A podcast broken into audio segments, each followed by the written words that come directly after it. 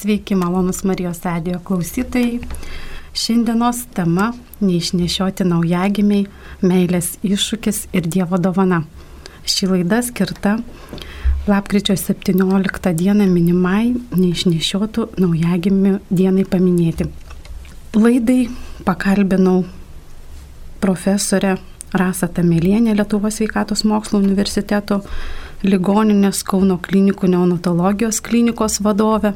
Taip pat laidoje studijoje svečiuojasi asociacijos padedu aukti vadovė Inga Budrienė ir pavyko pašnekinti Kauno klinikų kapelioną Nėrių Pipirą.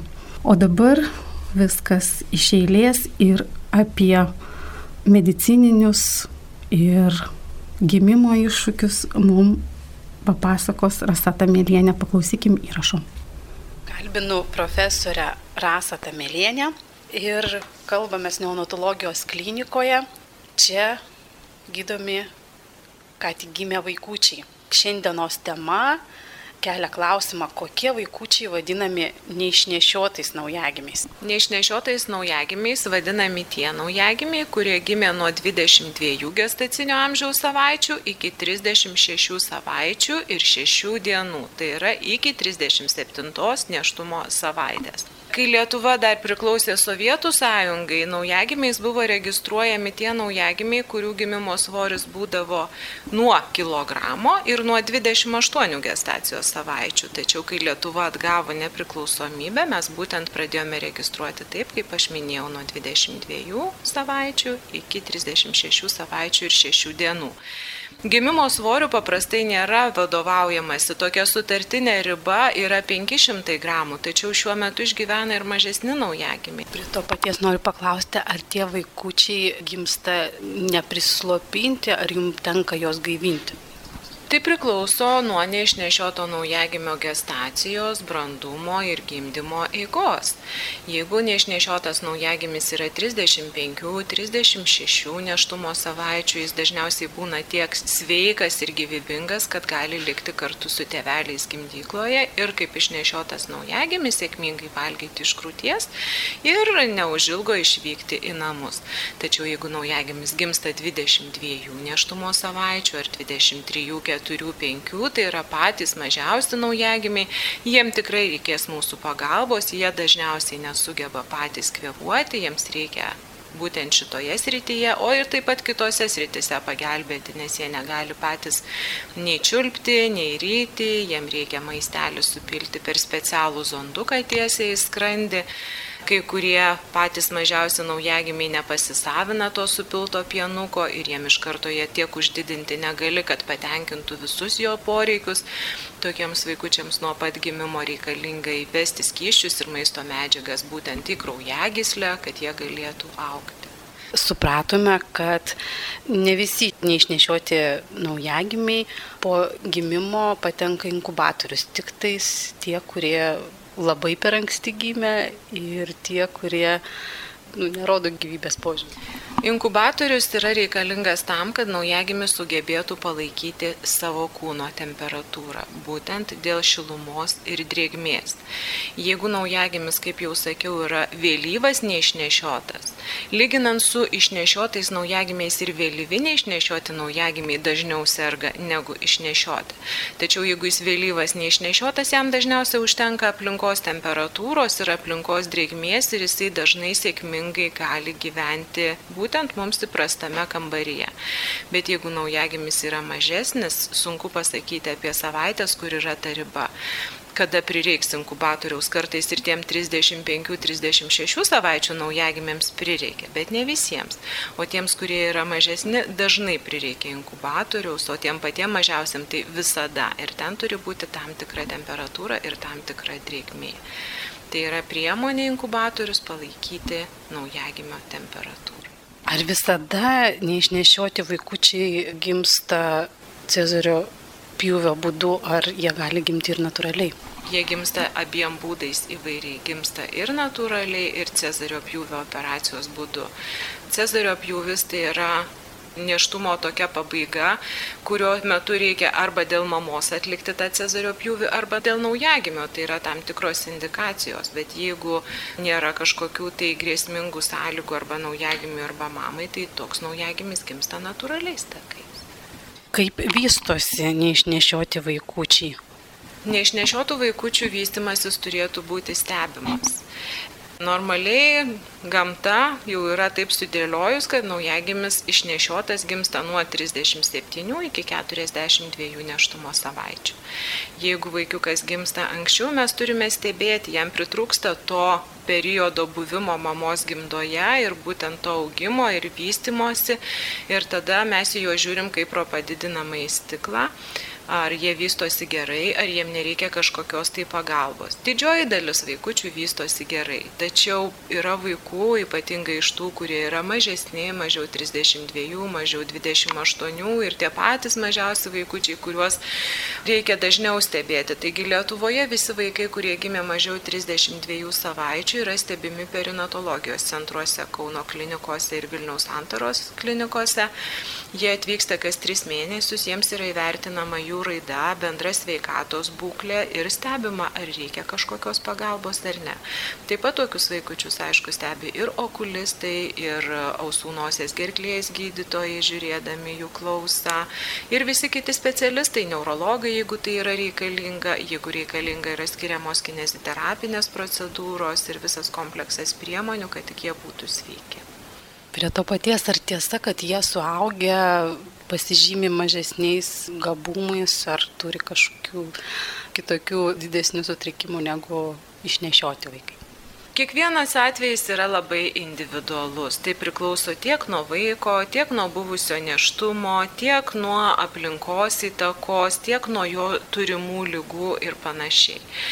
Yra tam tikra statistika, kad kuo vaikas yra mažesnės gestacijos, tuo daugiau sutrikimų jis gali turėti. Bet mes niekada nežinom, kuris vaikas bus tas, kuris turės sutrikimų, o kuris tas, kuris auks visiškai sveikas. Taip kad kiekvieną kartą gimus tokiam mažam vaikučiui mes visada tikimės, kad jis būtent ir bus tas, kuris yra sveikas. Dėkojame už pokalbį. Tęsėme laidą Gyvybės medis ir kalbino asociacijos padeda aukti vadovę Inga Laukytę Budrienę. E, Labadiena. Papasakokite, kokią veiklą vykdo jūsų asociacija ir kaip kilo idėja ją sukurti.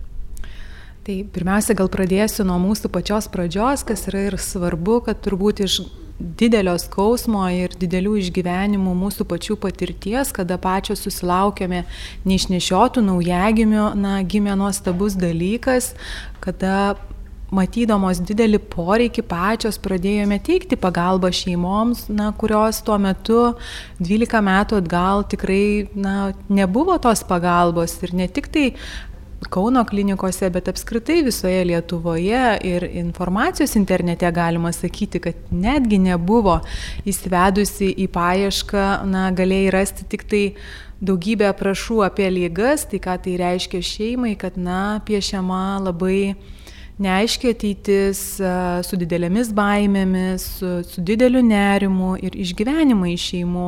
Aš pati 2011 e, metų rugsėjo mėnesį susilaukiau visiškai netikėtai, tai buvo žinia iš gėdrų dangaus, susilaukiau dvinių, Miglės ir Arento vos 26 neštumo savaitę, tai kalbame apie mažylius, kurie nesvėrė nei po vieną kilogramą ir pati Kauno klinikose na, vardinu taip, kad gyvenau e, tris mėnesius ir patirtis buvo visokia.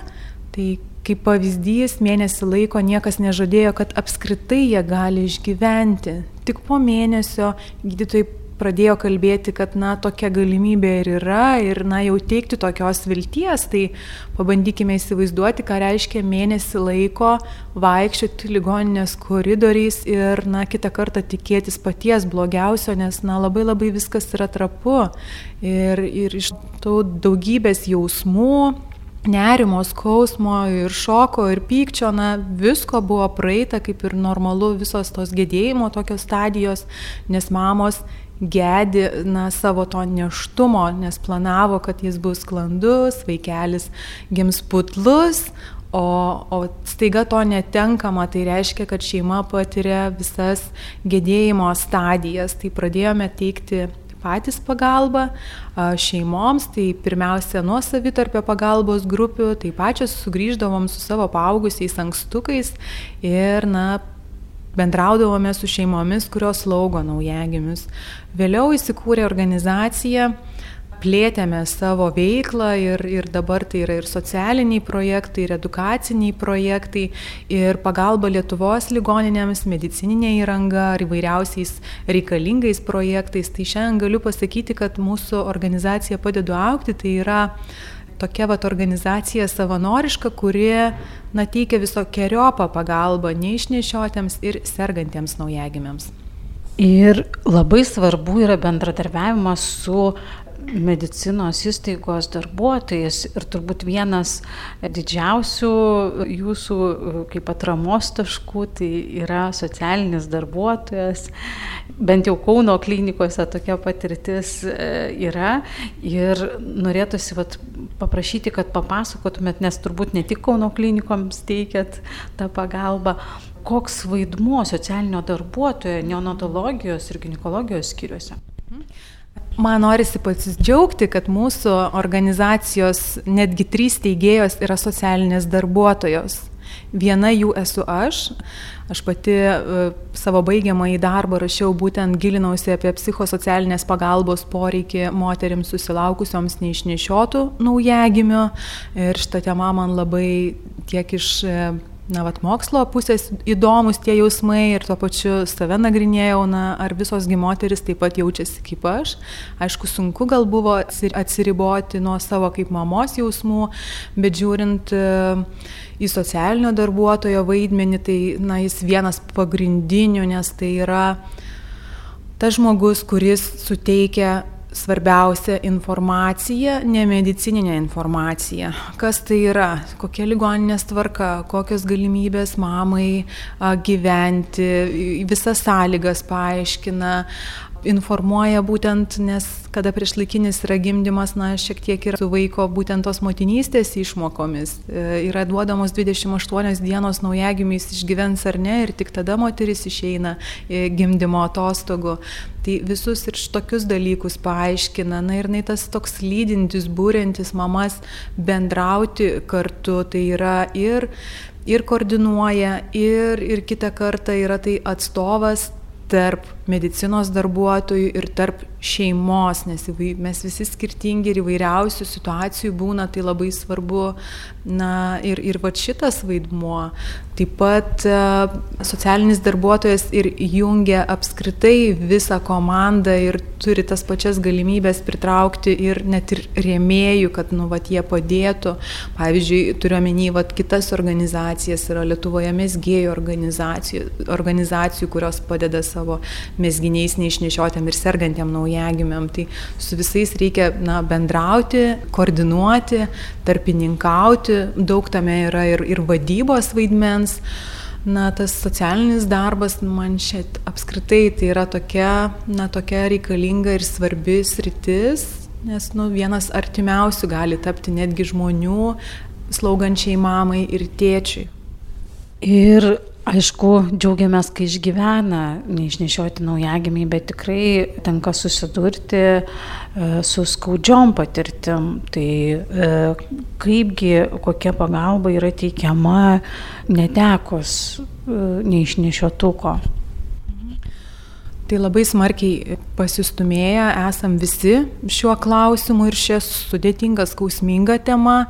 Kalbant apie mūsų organizaciją, tai mes nemokamai dalyjame dėžutės netekus neišnešiotuko. Toje dėžutėje yra specialiai pasiūtos labai gražios įkapėlės ir pėdutės rankutės įspaudas, na, kuris tikime ir girdime ir iš tėvų, ir iš psichologinės pusės, kad padeda tam gedėjimo laikotarpyje išgyventi jį ar ne, nepabėgti nuo, nuo visų jausmų netekties, o išgėdėti, kas yra svarbu, tolimesniam gyvenimui šeimos, tai mes dovanojam tokias dėžutės. Taip pat yra nuostabių organizacijų, tai viena jų asociacija Gandras ir Kūdikio netektis LT, tai dvi psichologės, kurios yra ir išleidusios leidinių visą rinkinį ir knygą didesnio skausmo nebūna ir yra laimėjusios projektus valstybės finansuojamus, kada šeimoms galima ir vėliau, bet labiau gal yra orientuota iki 22 vat, neštumo savaitės yra netekties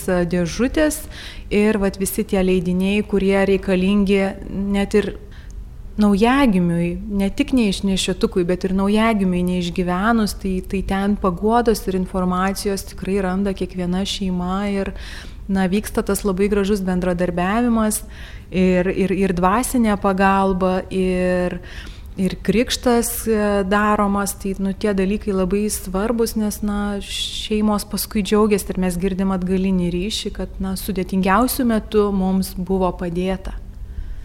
Taip užsiminėt apie krikštą, tai aš irgi pasakysiu, kad Kauno klinikose tikrai tenka krikštis neišnešiotukus ir e, džiaugiamės, kai tai daro kunigas, nes tada galim laukti, bet tenka ir man pačiai krikštyti, ir personalas, va kas svarbu, kad e, apmokytas personalas reanimacijos, kad jeigu jau nespėja, ar aš, ar, ar kapelionas atvykti, tai personalas irgi gali pakrikštyti mirties pavojoje ir suteikti tokią pagalbą, jeigu tėveliai nori.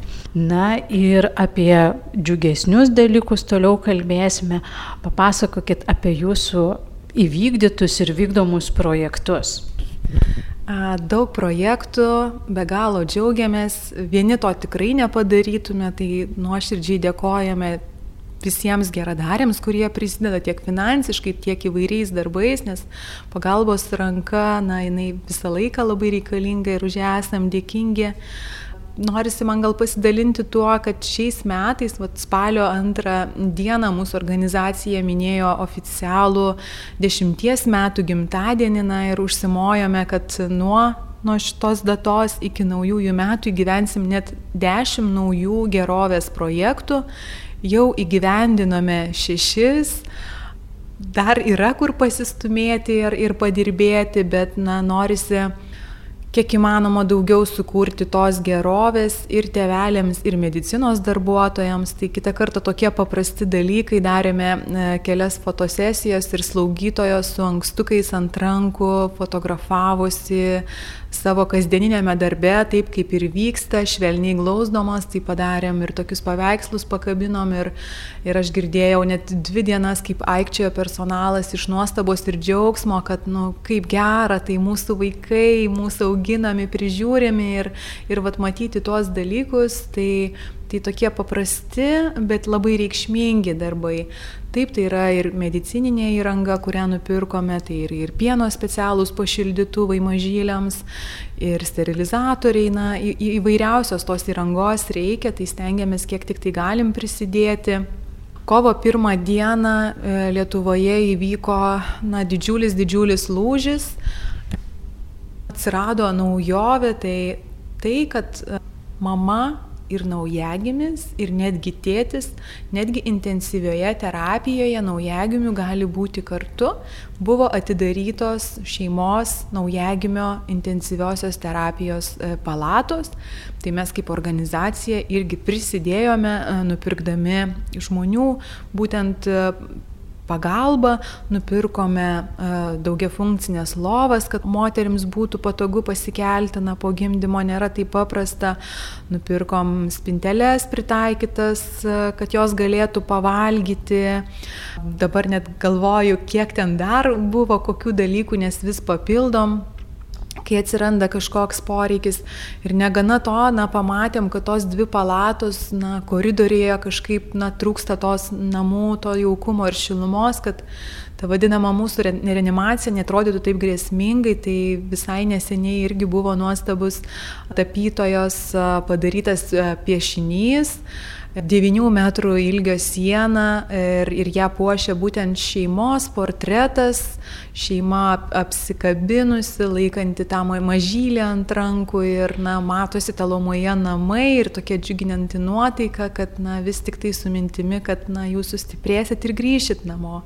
Tai daugybė projektų ir kengūros foteliai ir, ir Klaipados universiteto ligoniniai padovanojom, uh, nu, va, tokių dalykų, kurių reikia, net ir tarp Vat, pavyzdžiui, pientraukio reikėjo, irgi nuvežėm, telšių ligoninė pasieks, irgi kengūros fotelis. Na ir aišku, įvairiausius jau dovanėlės šeimoms ir tas palaikymas, kurio nuolatos reikia, tai svarbiausi dalykai. Tai iš tikrųjų tokios mažos smulkmenos, kaip e, kai kuriuos nustebina e, nagų komplektai. Paaiškinkit, kam jie reikalingi ir ar tai yra svarbu. Norisi pasakyti, kad visi projektai, na, jie ne iš kažkur atkeliauja, o iš to poreikio, nes aš pati Kauno klinikose, na, nuolatos būnanti žmogus, nes šeimos paskambina, aš atvažiuoju palatą pabendrauti, ar taip kažkokių reikalų, va, tai yra, tai, na, aš tas savas esu žmogus ir, na, matau poreikį ir matau tai, kad, na, moteris, na, dabar populiaru yra darytis ilgalaikį lakavimą ir tu taip paprastai to nagų lako na, nenusivalysi, o norint paliesti savo mažylį naujagimių intensyviosios terapijos skyriuje, mamos nagučiai dėl hygienos normų, na, jie turi būti tvarkingi, trumpi, nes ten speciali dezinfekcija yra nuolatos, vien palėtų su inkubatoriu, vėl reikia rankas dezinfekuoti, na ir reikia pašalinti nagų laką ir tą padaryti yra itin sudėtinga. Ir labiausiai gal dėmesį kreipiam į tas šeimas, kurios į Kauno klinikas atvyksta iš kitų miestų, iš Klaipėdos, iš Šiaulių, iš Tauragės, nes tai yra perinatologijos centras, būtent Kaune ir apimantis didžiąją dalį Lietuvos, daugiau nei pusę. Tai reiškia, atvyksta moteris arba jau pagimdžiusios ankstukus, arba gimdyti čia, vad grėsintis priešlaikiniai gimdymai ir nėra artimųjų, kurie, na čia ir dabar, vad galėtų padėti. Tai sukūrėme nagų rinkinius, kur mamos, na, atranda viską, ko reikia nagučių nusivalymui su instrukcija. Tai ir folija tam reikalinga, ir specialus, na, valiklis būtent geliniui lakui, ne bet kur jo gausi, tai parduotuvėje tu jo negausi nusipirkti. Tai suruošiam tokius rinkinius ir matom, gaunam nuotraukas iš mamyčių, kaip jos džiaugiasi, kad galėjo vat, nusivalyti ir, ir pagaliau susitiks su savo vaikučiu, na, galės paliesti, nes būti kartu gali, bet, na, paliesti reikia, kad nagai būtų atitinkamai, na, ta hygiena. Nes kai kuriems atrodo keista, tai vad labai paprasti dalykai, bet jie labai prisideda prie mamos geresnio buvimo. Ir... Tai papasakokite dar apie prie klinikų augantį gyvybės medį. Kas tai per projektas, nors jisai turbūt jau seniai, bet jisai labai svarbus kasmet.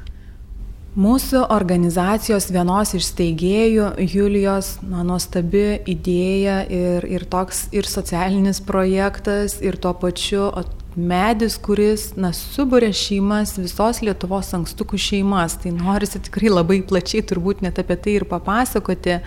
2012 metais būtent Julijai gimė idėja, kad prie naujagimių intensyviosios terapijos langų reikia, nu, mums kažkokio tai simbolio, kad reikia pasodinti ažuoliuką, nes ažuolas tai yra, na, tvirtybės toks simbolis.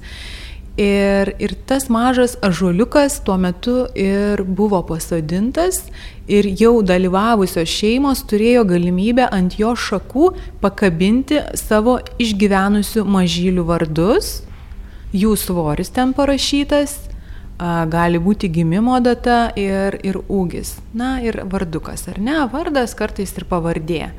Ir prikabino tokių vat lapelių ant, ant šakų. Ir paskui pamatėm, kad na, tai yra labai svarbu. Tai yra ženklas kitoms šeimoms, kurios yra Kauno klinikose, kad net ir 25 savaičių, 26 gestacinių savaičių gimė mažylį ir dar mažesni, na, vat matot, jie išgyvena, nes tai liudyja ant gyvybės medžio pakabinti lapeliai. Ir matėm, kaip šeimos semėsi stiprybės atėjusios prie to medelio pasižiūrėti. Ir matėm, kad tas poreikis yra vis kabinti, kabinti lapelius. Ir kad yra poreikis kasmet burtis į gražią šventę kurią ir pavadinome gyvybės šventė, ji vyksta gegužės mėnesio pabaigoje arba birželio pirmą vat, savaitgalį. Taip jau esam suplanavę ir taip darom. Tai kas gyvyksta? Atvažiuoja šeimos su savo paaugusiais ankstukais iš namų, iš įvairių Lietuvos miestų, ateina medicinos darbuotojai, na jiems įdomu pasižiūrėti, nu vis tik tai du mėnesius gydytas pacientas, jau atrodo vilties nebuvo. Ir kaipgi jam sekasi, kaipgi tas mažulėlis auga. Tai jiem tai yra paskatinimas matyti, na, prasme didžiulę savo darbę, ne tik tai tėvų ašaras, bet ir tėvų džiaugsmą, kaipgi auga vaikai. Na ir, ir ateina mamytės iš ligoninės, kurios slaugo savo neišnešiotus naujagimius. Turim gražią šventę ir su koncertu, ir su vaišiomis, ir su daug bendravimo. Ir ta šventė vis auga, auga. Na ir šiemet jau skaičiuojam apie 200 dalyvių. Ir net prabėgus va šitiek metų, nes medis pasodintas 2012, kaip minėjau, na, vis didėja prasmė, Tai šiemet padarėm jau ir inkilėlį, kuriame gali, nežalojant medžio šeimos, sukabinti savo tos lapelius ir bet kurie atėję gali paskaityti. Taip pat mes atkreipiame dėmesį ir išreiškiam palaikymą šeimoms, kurių naujagimiai neišgyvena. Tai jos po būtent medeliu deda akmenėlį. Ir tų akmenėlių taip pat yra ne vienas, ne du. Ir kiek man teko bendrauti su teveliais patyrusiais netekti, tai sako, mum netgi buvo lengviau matant, nu, kad ne mes vieni netekom vaiko, kad tų akmenėlių yra daugiau, kartai šeimos ten uždega ir žvagutes. Tai reiškia, nu, vat, randa paguodą ir skausme tame. Tai tuo ir tas stebuklingas tas mūsų gyvybės medis ir prasmingas Ir, ir jis prasmingas tuo, kad, na, būtent prie naujagimių intensyviosios terapijos per langus matosi, auga, klesti. Nors irgi gal norėtųsi pasidalyti, kad prieš turbūt praėjus trims panašiai metams atėjo laikas mums tą medelį genėti ir įsikvietėm specialistus iš medelyno tam, kad na, deramai jį nu, nugenėtų, paruoštų ir atvažiavę specialistai na, nieko nepadarė ir, ir pasakė, kad jūsų medis na, netrukus neišgyvens, nes nu jo čia kažkokia yra rušis. Ir, na, aišku, tai sukėlė mums tokią ir, ir nuostabą, ir, ir ką čia dabar daryti, ir, ir nu, gaila be galo. Uh, Tai šitiek metų praėjo, tas mūsų medis gyvena, mes jį buvom šiek tiek parėmę, nes jis linko į kitą pusę, jis dabar laibas gražus, tiesus ir jau per antro aukšto reanimacijos būtent langus jau šeimos mato, kuo puikiausiai jau iš koridoriaus net, net jo šakos. Ir na, nuostabi tokia tiesiog vieta nežinau, ir vilties, ir tikėjimo įkvėpimas, ir suburiantis visą bendruomenę. Tai ačiū Jums už pokalbį ir priminkime, kad e, lapkričio 17 yra neišnešiotukų diena. Tai ačiū Jums labai. Ir kągi, tai šią džiaugsmingą žinią šiandien baigiame šitą pokalbį ir toliau tęsime laidą su kitu pašnekovu. Dėkoju. O dabar irgi norėčiau Jums pristatyti vieną žmogų, suaugusi, kuris gimė neišnešiotas ir sutiko mums apie tai papasakoti.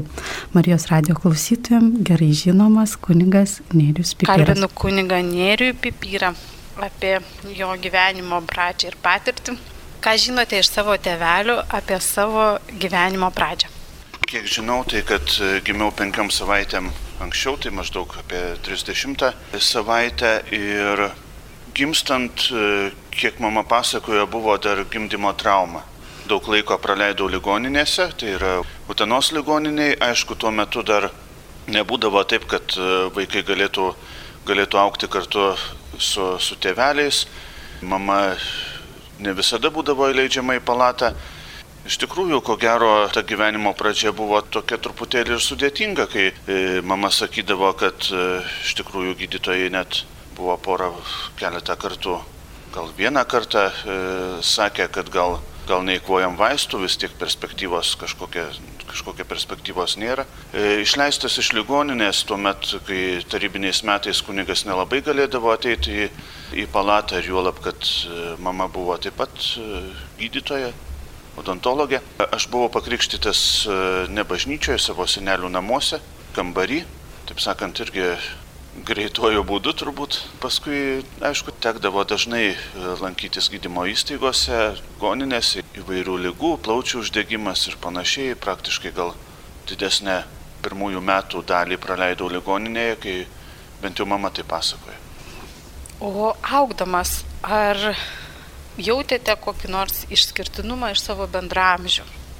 Gal čia ir yra įdomiausia, kad bendramžiai priėmė mane tokį, koks aš esu, aišku, Per visą vidurinės mokyklos laikotarpį buvo e, sumažintas fizinis aktyvumas, pats grupė, esu nuo, nuo gimimo kairė rankis, tai vėlgi skirtinumas buvo tas, kad e, kurį laiką tekdavo bandyti rašyti dešinę ranką, e, bet taip ir nepavyko išmokti. Ir galbūt vat, tą kitoniškumą bendramžiai jie ir priimdavo. Tai tikrai mokykloje iš bendramžių pusės kažkokių tai nesklandumų, patyčių, dar kažko ne, nepilnavertiškumo nejausdavau, nors iš kitos pusės buvau uždaras, gal aš tame tiesiog uždarume gerai jausdavausi. Tai tiesiog tiek, kad na, esu savo vietoje. Dabar dirbdamas Kauno kliniko kapelionu susidurėte su neišnešiotais naujagimiais, krikštėte jos, kalbate su teveliais. Kaip pagodžiate tevelius? Iš, iš tikrųjų, paguosti, tai pirmiausia, galbūt stengiuosi ir, ir pavyzdžių. Ta neišnešiotukų palatos man yra vienos iš mieliausių. Ko gero, e, antroji vietoje būtų reanimacija, kai taip jau pajuokaujant e, esi beveik e, dangaus prieangi, kai žmogui gali suteikti šansą būti prie viešpaties. Ir su tėveliais visada stengiuosi truputį pasišnekėti. Ir tikrai galbūt e, tas pokalbis kartais ir e, nėra įmanomas ilgas pokalbis, bet, bet bent jau keletų žodžių, sakydamas, kad vat, neprarastų vilties, kad, kad iš tikrųjų neišnešio, neišnešiojimas tai nėra kažkoks tai ir e, nuosprendis nebūčiai, nuosprendis mirčiai ir dar kažkam tai.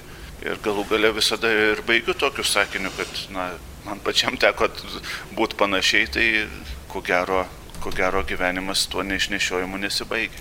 Dėkojame knygui Nerijui už tokius padrasinančius žodžius ir pavyzdį. Ir laida visai eina į pabaigą, tad norime atkreipti dėmesį, kad net ir labai garsų žmonės yra gimę iš neišnešioti ir pasiekė labai daug. Tai Albertas Einšteinas, prancūzų rašytojas Volteras ir Viktoras Hugo, amerikiečių rašytojas Markas Tvenas, O Marijos radio klausytojų visų prašysime melstis už neišnešiotus naujagimius, už jų šeimas ir pagal galimybės prisidėti prie asociacijos padedu aukti veiklos, o informaciją galite rasti internete, internete ir pasakykite kokiu adresu. www.padeduaukti.lt Dėkojame uždėmesi.